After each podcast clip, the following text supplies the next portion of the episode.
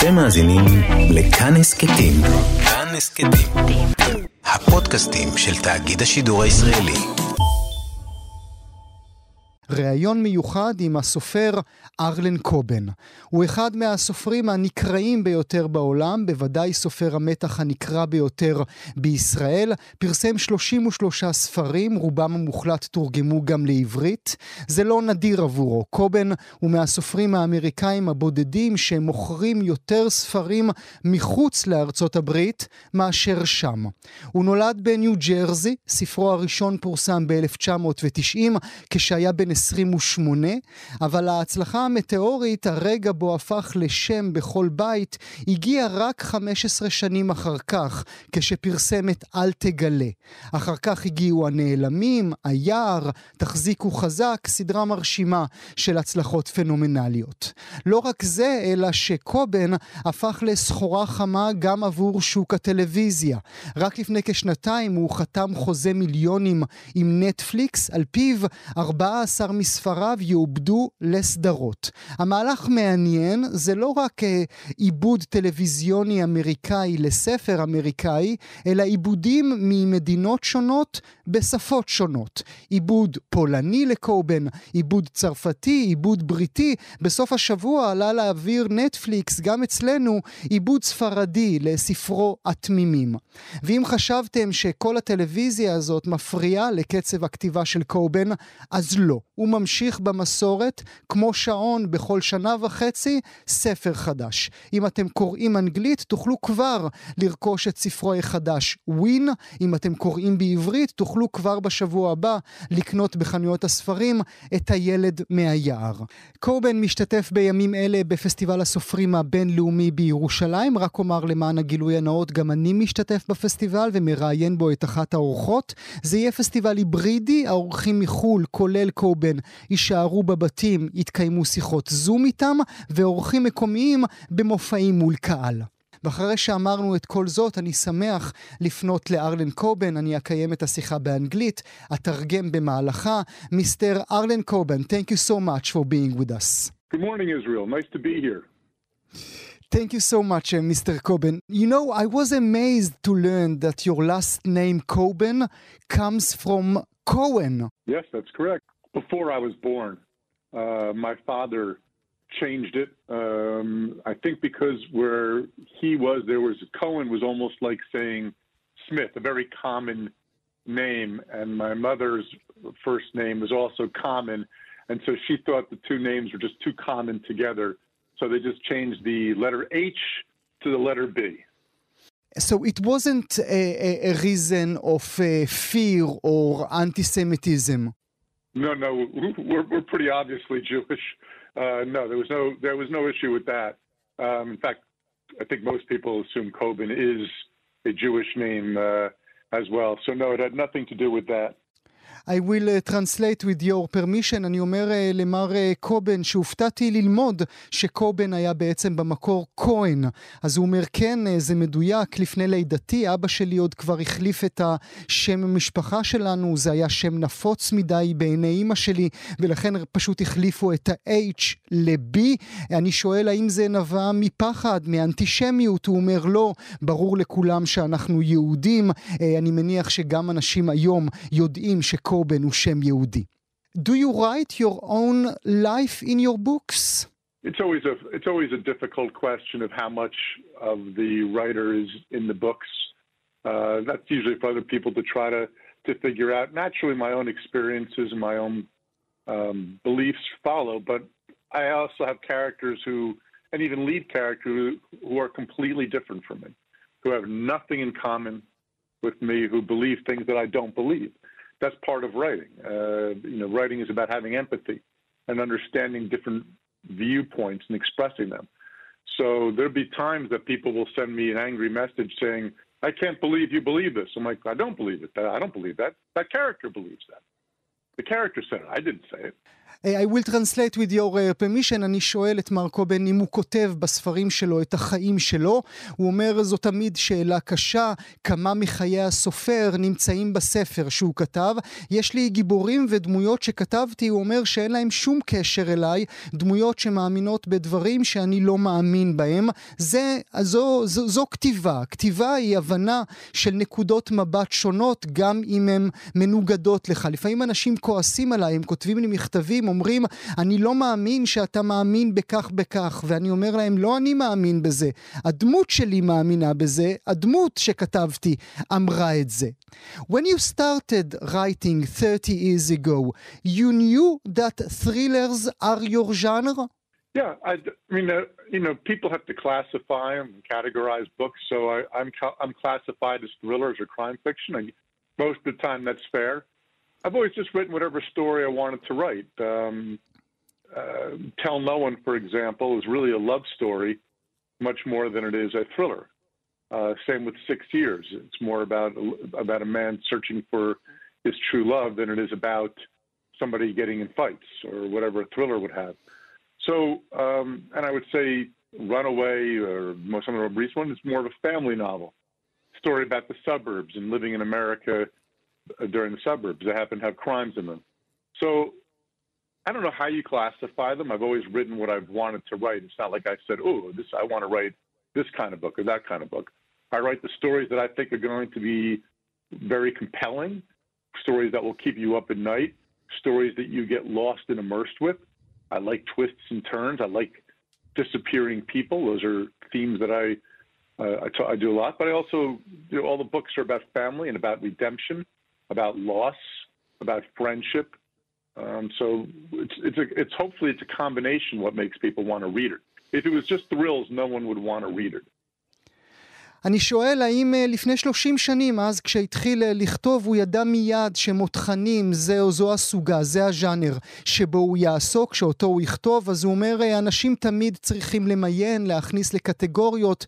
ברוב המקרים, הוא אומר, זה הוגן לקרוא לי סופר מותחנים, אבל אני תמיד כתבתי מה שרציתי לכתוב. למשל, הספר שלי, אל תגלה, הוא סיפור אהבה בדיוק באותה מידה שהוא גם מותחן, אותו דבר גם לגבי הספר שש שנים. הספר הבריחה הוא בכלל ספר על חיים בפרברים.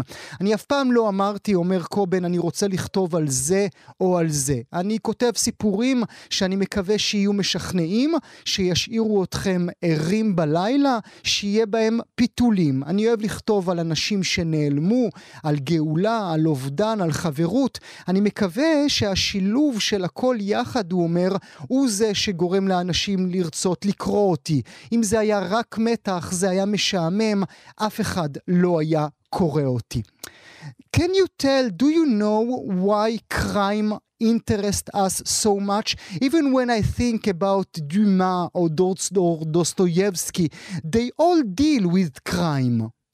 I agree with that. I think most of the, if I ask you to name your five favorite novels that are over 100 years old, or over 150 years old, or whatever, my guess is that they will involve crime or mystery.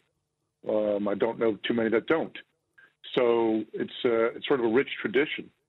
You know, part of writing is is all of writing really. All all storytelling is your character walking down the road of life, and how that character overcomes obstacles is really what all stories are about. Crime is a pretty big obstacle, um, and one that really stresses your character and puts them in situations that we as readers will find compelling.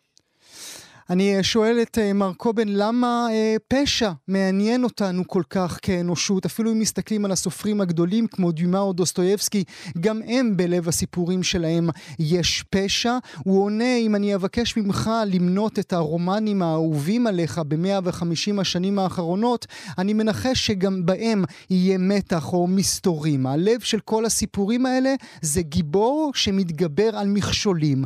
פשע ומכשול, הוא שם את הגיבור שלנו במקום שאנחנו כקוראים מוצאים מאוד כמושך. But it's not only crime for you, Mr. Coben, it's also secrets. Do we all have secrets? Do you have secrets? Do I have secrets?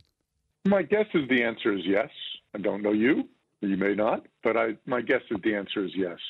I think really more than secrets, it's part of the human condition, um, is that we we think that we are uniquely complex and that no one really knows what's going on inside of us. But we think we know what goes on inside other people. It's part of the human condition, right? You who are listening to me right now think, well, no one really knows what's inside me. They may know parts of me, but there's parts of me no one can ever know.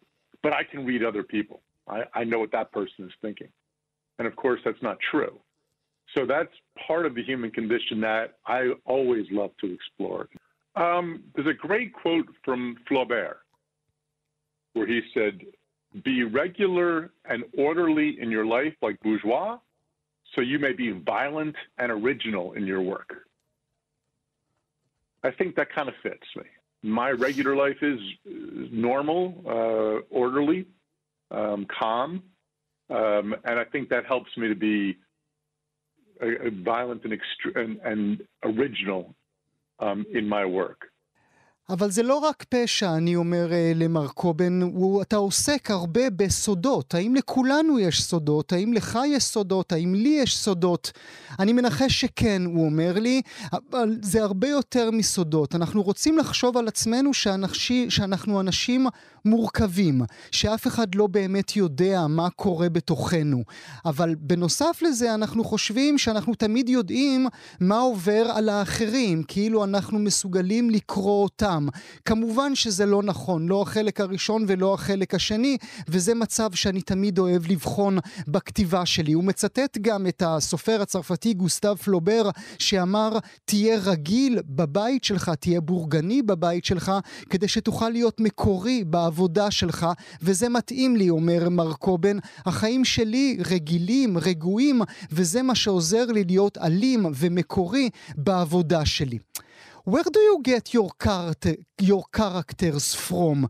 You see them just walking down the street? I do. Um, I, I, mean, it's part of it is trying to be empathetic. One of the things that I've taught my children is that uh, it's very important whenever you see any human being, good, bad person who's rich, poor, whatever, race, creed, is that every person you meet has hopes and dreams. Just think about that. It's a simple thought. But when you look at somebody and you're wondering about their day and how they're behaving, just remember every person has hopes and dreams and how that affects them. So if you see somebody that's too slow in a line when you're at the grocery store and you're getting impatient, or somebody who seems to be driving poorly and you want to get angry at them, just take a step back. We don't know what their day is like. We don't know what industrial size garbage they're dealing with in their own life right now. What's toxic, what's great, what's good. They all have hopes and dreams. And this is how I try to go through life thinking. And I think that's true storytelling also. So I want my villains even to have a rich inner life. I want you to wonder about them, how they became who they are. I will translate with the operation. אני שואל את uh, מר קובן איך הוא מוצא את הדמויות uh, שלו לספרים. האם פשוט הוא פוגש בהם uh, ברחוב, כשהוא הולך ברחוב, אז הוא אומר הכל קשור להזדהות, להזדהות. אחד הדברים שלימדתי את הילדים שלי זה שלכל אדם, לא משנה אם הוא טוב או רע, מה המין שלו, האם הוא עשיר או עני, מה המגדר, מה הצבע שלו, לכולם יש חלומות ותקוות. כשאתה מתבונן בכל אדם ואדם, תמיד תזכור שגם לו יש חלומות ותקוות. תקוות, חלומות ותקוות שמשפיעים עליו. אם אתה רואה מישהו שהוא איטי מדי בתור, או מישהו שנוהג בכביש בצורה שמרגיזה אותך, תמיד תיקח צעד אחד אחורה, כי אתה לא יודע מה עבר עליו היום, אתה לא יודע עם איזה זבל בהיקף תעשייתי הוא מתעסק. ככה אני חי את חיי, וככה בעיניי גם הדרך הנכונה לכתוב ספרים. אני רוצה שגם הנבלים אצלי בספרים יהיו עשירים בחיים שלהם, כדי שאתה כקורא תטעה איך הם הגיעו לאן שהם הגיעו. Does writing come easily to you? No, never comes easy. If it comes easy, it's not good. Um, uh, all writers are insecure. Only bad writers think they're good. Um, there's constant insecurity. There's constant self-doubt. Um, if you don't have that, I, I, I shouldn't say, you know, again, there's always exceptions. Most of the writers that I know who are successful or writing a lot have that, where one moment you're happy with it, one moment you hate it, one moment you say, oh my God, my last book was so good, this book is terrible. And you think, oh no, this book is great, and the last book was terrible. Um, I'm not, I'll never finish this book. I won't have any more ideas. This book isn't working. I go through those cycles every day.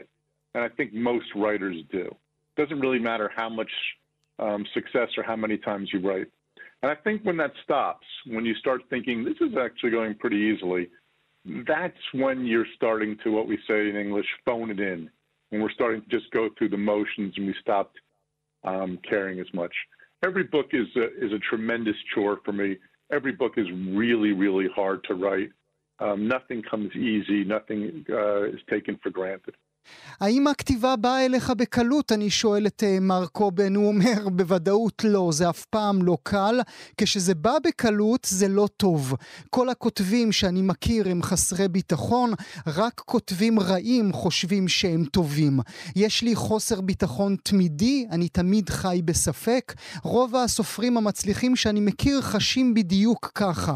רגע אחד אתה שמח, רגע אחד אתה שונא את עצמך, כל הזמן אתה חושב אני בחיים בחיים לא אסיים את הספר שאני עובד עליו עכשיו, אף פעם לא יהיו לי עוד רעיונות. אלה תנודות שאני חש בהן בכל יום, ולא משנה כמה הצלחה יש לי.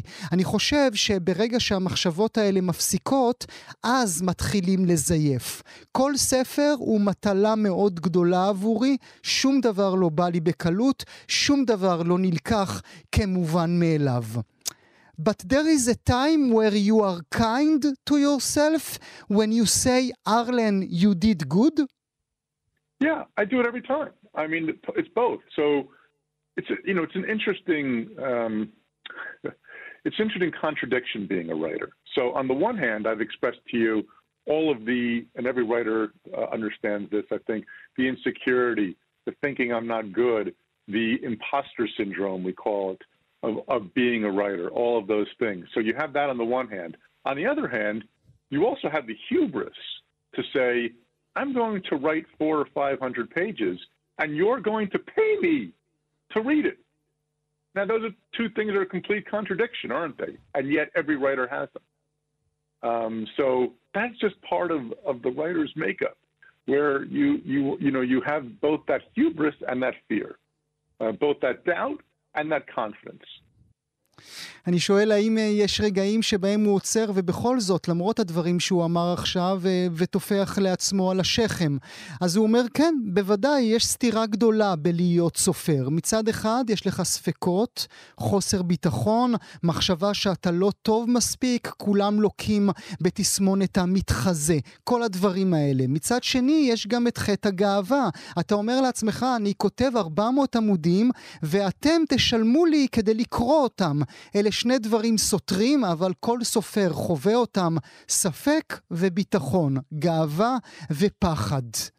Do you read, Mr. Coben, reviews? Many critics uh, say that your quantity reflects on your quality. Well, critics can say whatever they want. I never heard anybody say that about uh, Shakespeare or Dickens or Dumas or other people, but that's fine. Uh, you just you just I just do my thing. I don't. Uh, my problem is is that uh, or my situation is that I don't really do much else. Um, I don't collect antiques. I don't like stamps. I don't like to go out with beers with the guys. My two things in life really are my family, and my kids are now grown, and my work, writing, um, doing TV shows and the books. That's really what interests me, and that's what I'm good at. So I don't uh, spend time. It, it, may make me something of a dull person. Well, דול, we cannot uh, say that uh, you are. אני שואל את uh, מר קובן, האם הוא קורא ביקורות ספרים? רבים uh, מאשימים uh, אותו על כך שהכמות שלו באה על חשבון uh, האיכות, אז הוא עונה, המבקרים יכולים לומר מה שהם רוצים. לא שמעתי אף אחד מהם אומר את אותו דבר בדיוק על שייקספיר או על דיקנס. זה בסדר, אבל uh, כתיבה זה הדבר היחיד שאני עושה. אני לא אוסף עתיקות, אני לא אוהב בולים, אני לא יוצא לבירה עם אחר. חבר'ה. שני הדברים היחידים שמעניינים אותי בחיים הם כתיבה והמשפחה שלי. זה מה שאני טוב בו, אולי זה הופך אותי לאדם משעמם, כמו שהוא אמר, אבל זה מה שאני עכשיו. You know, I want to ask you, if you could go back in time, what would you say to the young, struggling Arlen Coben? No, I would never tell me. I'm very happy with how it went. I made a lot of mistakes along the way, but those mistakes led me here. Perhaps if I had done the right things earlier, I wouldn't have been here. Um, it's not a foregone conclusion that I would be here. Uh, you know, there's a lot of luck involved. There's a lot of happenstance. We never like to really admit that in life either, but life is, there's a lot of chaos in life. There's a lot of things that you look back on and realize, had you done something differently, you may have gone down an entirely different path. I'm very happy with the path that I went down, with all of the mistakes that I made, because um, I ended up here. So it, I think it'd be very bad karma to say anything. If I can go back in time, I wouldn't tell me a darn thing. I also love the journey. You know, I, my first uh, New York Times bestseller was my 10th published novel. wasn't my mm. first, wasn't my second. It was my 10th. If it happened right earlier, who knows? Uh, maybe I would have gotten the bigger head. Maybe I would have made mistakes. Maybe I would have been seduced by Hollywood or whatever else. So all the things that um, all the things that look like mistakes um, are part of what led me to where I am right now, and I'm happy with where I am. So I wouldn't tell that kid a, a thing. אני שואל את uh, מר קובן אם הוא היה יכול לחזור בזמן, uh, מה הוא היה אומר לאותו צעיר בן 25 שרוצה מאוד uh, להצליח. הוא, היה, הוא אומר לי, לא הייתי אומר לאותו ארלן קובן שום דבר, אני שמח בדרך בה החיים שלי התנהלו. עשיתי הרבה מאוד טעויות, אבל הם אלה שהובילו אותי לאן שאני. אם הייתי עושה את הדבר הנכון כבר בהתחלה, אולי לא הייתי, אולי לא הייתי מגיע לאן שהגעתי עכשיו. היה לי הרבה מאוד מזל בקריירה שלי, אנחנו לא אוהבים להודות בזה, הוא מוסיף, אבל בחיים יש הרבה מאוד כאוס. מספיק שעושים דבר אחד שונה, והמסלול כולו משתנה לחלוטין. לכן אני מאוד שמח במסלול שהיה לי, למרות ועם כל הטעויות שעשיתי. אם הייתי חוזר בזמן, לא הייתי אומר לאותו ארלן קובן שום דבר. אני אוהב את המסע שחוויתי. הפעם הראשונה שהגעתי לרשימת רבי המכר של הניו יורק טיימס, הוא אומר, הייתה עם הספר העשירי. העשירי שלי. לא הראשון, לא השני, העשירי. אם זה היה מגיע מוקדם יותר, מי יודע מה היה קורה? אולי הראש שלי היה גודל, אולי הייתי עושה טעויות, אולי הוליווד הייתה מפתה אותי. אז כל הדברים שנראים לי היום כמו טעות, הם אלה שהובילו אותי לאן שאני היום, ואני שמח מאוד במקום שבו אני נמצא. לא הייתי אומר לילד הזה כלום ושום דבר. You know, Mr. Coben, something that we never see or we never read in your books is politics. Are you a political man? Do you know what's going on now in Armenia, in Yemen, in Israel, in Gaza? Um, I think to, yes, I think to some extent. I, I wouldn't say I am a political junkie. Um, but I'm I'm certainly aware of what's going on in the world. My job is really, I think, to entertain you to give you an escape from a lot of those things. I don't want anybody to go into a book thinking, "Ugh, he's a right-wing lunatic. Ugh, he's a left-wing nut." It doesn't it doesn't help you, the reader, or me, the writer. Um, whatever politics are in the books, I would try to make much more subtle. My job is not to lecture you. Enough enough people are lecturing you and telling you what to think. There's enough pundits on, on, on TV and in writing. I'm not one of them. דבר אחד אה, אני אומר למר קובן שאנחנו לא רואים בספרים שלך זה נימה פוליטית. אני שואל האם הוא בכלל איש פוליטי, האם הוא יודע מה קורה ברגעים אלה בארמניה, בתימן, בישראל, בעזה. הוא אומר במידה מסוימת אה, אני איש פוליטי, אבל אני לא ג'אנקי פוליטי, אני יודע מה קורה בעולם, אבל העבודה שלי זה לבדר אותך, זה לתת לך מפלט מכל הדברים האלה. אני לא רוצה שאנשים יקראו ספר שלי ויגידו הוא, הוא איש ימין משוגע או איש שמאל מטורף, זה לא עושה טוב לא לך כקורא ולא לי ככותב. את הפוליטיקה שיש בספר אני אעביר בצורה מעודנת יותר. התפקיד שלי הוא לא להטיף לך, יש מספיק אנשים שמטיפים לך ואומרים לך מה לחשוב, אני בטח לא אחד מהם. This is why we will never see an op-ed by Kobeng coming out against a political issue? It doesn't serve any purpose, I think, or it doesn't serve a good purpose for me to be overly political. Um, because I don't think people will listen to me, and they shouldn't. But people will read a story. Um, and the way we've all learned morality, for example, are through story. But not if we're told before the story, here's what you're going to learn in the story. You know what I mean? Mm-hmm. So if I say to you, oh, here's going to be a book that's going to tell you what, what's really going on in Yemen, you're not, you know, and, and here's my opinion on it, that's not going to work. But if I tell you a story that may relate to it in some way, um, where you're not coming in with the thinking, oh, this guy has an agenda, I'm more likely to change minds in a subtle way than I am if I become yet another guy screaming one way or the other.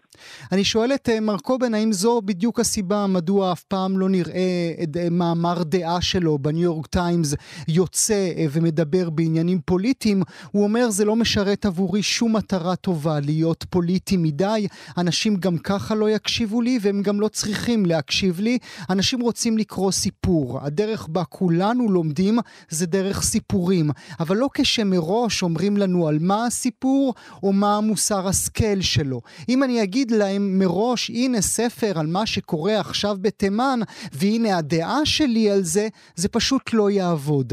אבל אם אני אספר לך סיפור שיהיה קשור למצב בתימן, ולא תחשוב שיש לי אג'נדה כסופר בנושא הזה, אולי אני אצליח לשנות את דעתך בצורה מעודנת יותר, מאשר אם אני אהיה עוד מישהו שצורח דעה כזאת או אחרת. מיסטר קובן, with your permission, let's talk about your book adaptations on Netflix. Was it your decision that it will be produced in multiple countries and in multiple multiple languages? For me, if I write a hit song, let's say I wrote a hit song called "The Innocent," and then I performed the hit song, um, and it was a hit. Now, when when someone in Spain is going to re- when someone wants to remake it, I don't want them to sound exactly the same as me. What's the fun in that? What's the good in that? If you want that experience, read the book. So I'm able to bring in new cultures, new viewpoints, tremendous talent um, that are in different countries. Uh, and with Netflix, it goes to 190 countries. So it has a much more international feel. I think the best TV work, we're living the golden age of television because uh, it's not just America anymore. Um, Israel, of course, having a wonderful, rich tradition of fantastic television. You guys are unbelievable. Um, one guy I want to work with, and I've spoken to a number of times, is uh, Omri Givron. We're hoping to do a show together at some point. I would love to work with him. He's a, you know, he's extraordinarily talented. There's a lot of people in your in your country, and so I love that combination. I don't want to keep making ones that only take place. I wouldn't want to make ones that only take place in, in New Jersey, and I think it's really interesting that hybrid experience of having the American story with you know French or Spanish or British or or Polish uh, TV. אני שואל את uh, מר קובן, מדוע בחוזה שלו עם נטפליקס הוא החליט שהעיבודים לא יהיו סתם עיבודים אמריקאים רגילים, אלא שהעיבודים לספרים יגיעו לא רק ממדינות שונות, אלא גם בשפות שונות. אז הוא מדמה את זה, הוא אומר לי, זה כמו שהייתי כותב שיר מצליח ומישהו בספרד היה מקליט גרסה לשיר, לא הייתי רוצה שזה יישמע בדיוק אותו הדבר. מה הכיף בזה? הוא שואל. אני רוצה שהוא יכניס לשיר שלו את התרבות שלו, את הכישרון שלו. נטפליקס מגיעה ל-190 מדינות. אנחנו חיים בתור הזהב של הטלוויזיה דווקא בגלל שלא מדובר באמריקה בלבד. אתם למשל, שם בישראל, אומר ארלן קובן, אתם מדהימים, יש לכם מסורת נפלאה של טלוויזיה. פגשתי עכשיו, הוא אומר, את אחד האנשים המדהימים אצלכם, עמרי גבעון, אני רק אומר, הוא מתכוון לתסריטאי והבמאי, מי שעבד על הסדרות בשבילה גיבורים עפים, וביום שהאדמה אהדה. הוא אומר, ארלן קובן, הייתי שמח לעבוד איתו, הוא בעל כישרון רב. העובדה שאני יכול לעבוד עם אנשים מרחבי העולם מדהימה אותי. אני לא רוצה לעשות סתם סדרות שכולם מתרחשות רק בניו ג'רזי. השילוב של סיפורים אמריקאים שמתרחשים בצרפתית, בספרדית, בבריטית, בפולנית, הם הלב של הדבר הזה בכלל. But you know, you didn't, you didn't just change the location or the language, you also changed the plot. The Innocent, for example, came out in 2005, I think. So the world's changed. We have to update the story to make to make those changes. We're putting that story that was placed in 2005. Now the story's taking place in 2021. It's a different world. But second, and most important, and this is what writers don't understand, the worst adaptations are slavishly devoted to the novel or the text. They are very different mediums. This is the one thing that I've learned. A book is a book, and a TV series is a TV series, or a movie is a movie. They are very different. So, for example, on The Stranger, when we were trying to different people out in the role of the stranger, and we were having them in that very first scene, if you've seen the show, where the stranger drops the bomb mm-hmm. on Richard Armitage, telling him about his wife faking the pregnancy. And we tried some guys, and I'm like, you know what? It's not working. I, think we need a hit woman, a woman who looks like a little dangerous, um, a little a little exotic, something really interesting, and has a, a different a different kind of energy to her. And we brought in, as soon as we saw Hannah John came, it's like, wow, that's the stranger. Now, different from the book, but I don't care. אני אומר אה, למר קובן שלא רק את הלוקיישן הוא משנה, גם לא רק את השפה, אלא גם את העלילה שמשתנה כאשר הוא עושה את העיבוד מספר לטלוויזיה. אז הוא נותן דוגמה את הספר התמימים, הסדרה גם התמימים. הוא אומר, הספר יצא ב-2005, עכשיו אנחנו ב-2021, העולם השתנה, אני חייב לעדכן את הסיפור. אבל גם, והוא אומר, וזה חשוב לי יותר, הרבה כותבים לא מבינים מבינים שהעיבודים הגרועים ביותר הם אלה שמשתעבדים ליצירה המקורית. הוא אומר, אני למדתי במהלך הזמן, ספר הוא ספר, סדרת טלוויזיה היא סדרת טלוויזיה, סרט הוא סרט. הם מאוד שונים האחד מהשני. הוא נותן דוגמה למשל את הספר אדם זר. בספר במקור הגיבור היה בחור, גבר. כשהגענו לעשות את, הסדרה, בחנו בחורים, הוא אומר, לגלם את התפקיד הראשי. זה פשוט לא עבד. אז החלטנו שבסדרה הגיבור תהיה גיבורה, כי הרגשנו שהיא צריכה להיות אקזוטית ומסוכנת יותר, עם אנרגיה שתהיה שונה ממה שהיה בספר. כן, זה שונה מהסיפור, הוא אומר, אבל פשוט לא אכפת לי. You know, Mr. Coben, uh, why do I love this conversation so much? Because you sound to me like a kid in a candy store. It's like you don't, it's like your success is not normal to you. I didn't have success with my first book when I was 25 years old. My first New York Times bestseller was when I was 39 years old. Uh, you know, um, big difference 20 years ago. So uh, I have a greater appreciation for it because I moved slowly up the ladder. I had books that didn't sell well. I had books that slowly started to sell well. I had the breakout book. Um, and also, I love this. This is what I do. And if you don't, if you're not jazzed, if you're not excited about the idea of that, you know, on Friday, Netflix is going to put your TV series in 190 countries with over 200 million subscribers, you're in the wrong business. I mean, I'm hmm. sitting here right now in this little room, and in the corner of this little room, I came up with this idea about a man who, a young man, when he's in college, gets in a fight and accidentally kills somebody, and it seems to destroy his life. He has to go to prison for it, and now he's out and he's trying to rehabilitate himself. And I had this little idea in this little room in 2003 or four, and now the most talented people in Spain, 250 of them are on a set, recreating this world and bringing it to life for 200 million subscribers around the world. Now, if I do sound like a kid, who wouldn't? If you don't, I don't know. I think maybe you're pretending or you're in the wrong business. אני אומר אה, למר קובן שאני נהנה במיוחד מהשיחה הזו, כי הוא נשמע כמו ילד בחנות צעצועים, לא מישהו סופר גדול ומצליח שלוקח את הדברים כמובן מאליו. והוא חוזר שוב על העניין הזה, הוא אומר, ההצלחה לא הגיעה אליי עם הספר הראשון שלי בגיל 25, אלא רק כאשר הוא היה בן 39, הוא אומר, זה הבדל גדול, יש לי הערכה להצלחה. היו לי הרבה ספרים שלא נמכרו, עליתי לאט לאט בסולם ההצלחה. במיוחד אבל הוא אומר, אני אוהב את מה שאני עושה.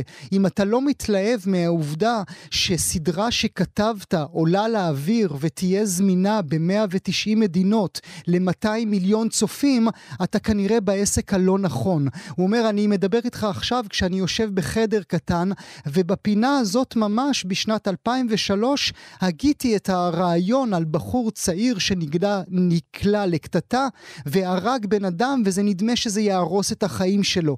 עכשיו, 15 שנים אחרי, האנשים הכי מוכשרים בספרד, 250 מהם מולידים מחדש את הרעיון הזה, נותנים לו חיים, ומאות מיליונים יצפו בזה. אם אני נשמע כמו ילד בחנות ממתקים, מי לא היה? אם לא הייתי נשמע ככה, אולי הייתי מעמיד פנים, או שאני בכלל לא בעסק הנכון. In a way, I think to end this conversation, uh, Mr. Coben, I think that you are a fear historian. You know better than everybody else what we are scared of. Do you think that monsters will ever disappear? I don't know. I'm not good at predicting the future. Nobody is. That's the interesting thing. Whenever you listen to pundits, for example, no one gets anything right. No one. It's not. It's, it's actually shocking that with all the penny people, no one predicted Trump would be a president. No one predicted a, a Tunisian man would set himself on fire, starting what they had originally called the Arab Spring. No one predicts anything correctly. No one predicted you would be holding your cell phone, you know, eight hours a day, looking at a small screen in your hand. No one. No one. Not like one percent. No one. So, as we say, the Yiddish expression that I use quite frequently in my books man plans and God laughs. Four words, truest, the truest sentiment I've ever known in life man plans and God laughs. So true, so true. Mr. Arlen Coben, it was a, a, thrill for me. Thank you so much for this uh, interview. Thank, Thank you, you, so very much, much. for being nice with us. Bye bye. בתור היסטוריון הפחד, ככה אני מגדיר אותו, מכריז עליו, אני שואל לסיום השיחה הזו איתו, מר קובן, האם אי פעם המפלצות ייעלמו מחיינו? אז הוא אומר, אני לא יודע, אני לא טוב בניבוי העתיד, אף אחד לא. כל פעם שאני מקשיב לפרשנים הם תמיד טועים. אף אחד לא ניבא את טראמפ, אף אחד לא ניבא גבר טוניסאי שיצית עצמו ויעורר את האביב הערבי, אף אחד לא מנבא כלום, אף אחד לא ניבא שאנחנו נחזיק ביד טלפון סלולרי במשך שמונה שעות ביום ונציץ ככה במסך קטן. הביטוי היידי שאני משתמש בו, אומר ארלן קובן, ואני תמיד אוהב אותו, אומר האדם עושה תוכניות ואלוהים צוחק. רק ארבע מילים והן המדויקות ביותר שהכרתי בחיים. זה נראה לי אה, דרך מצוינת לסיים את השיחה הזו. זה היה הריאיון המיוחד שלנו עם ארלן קובן.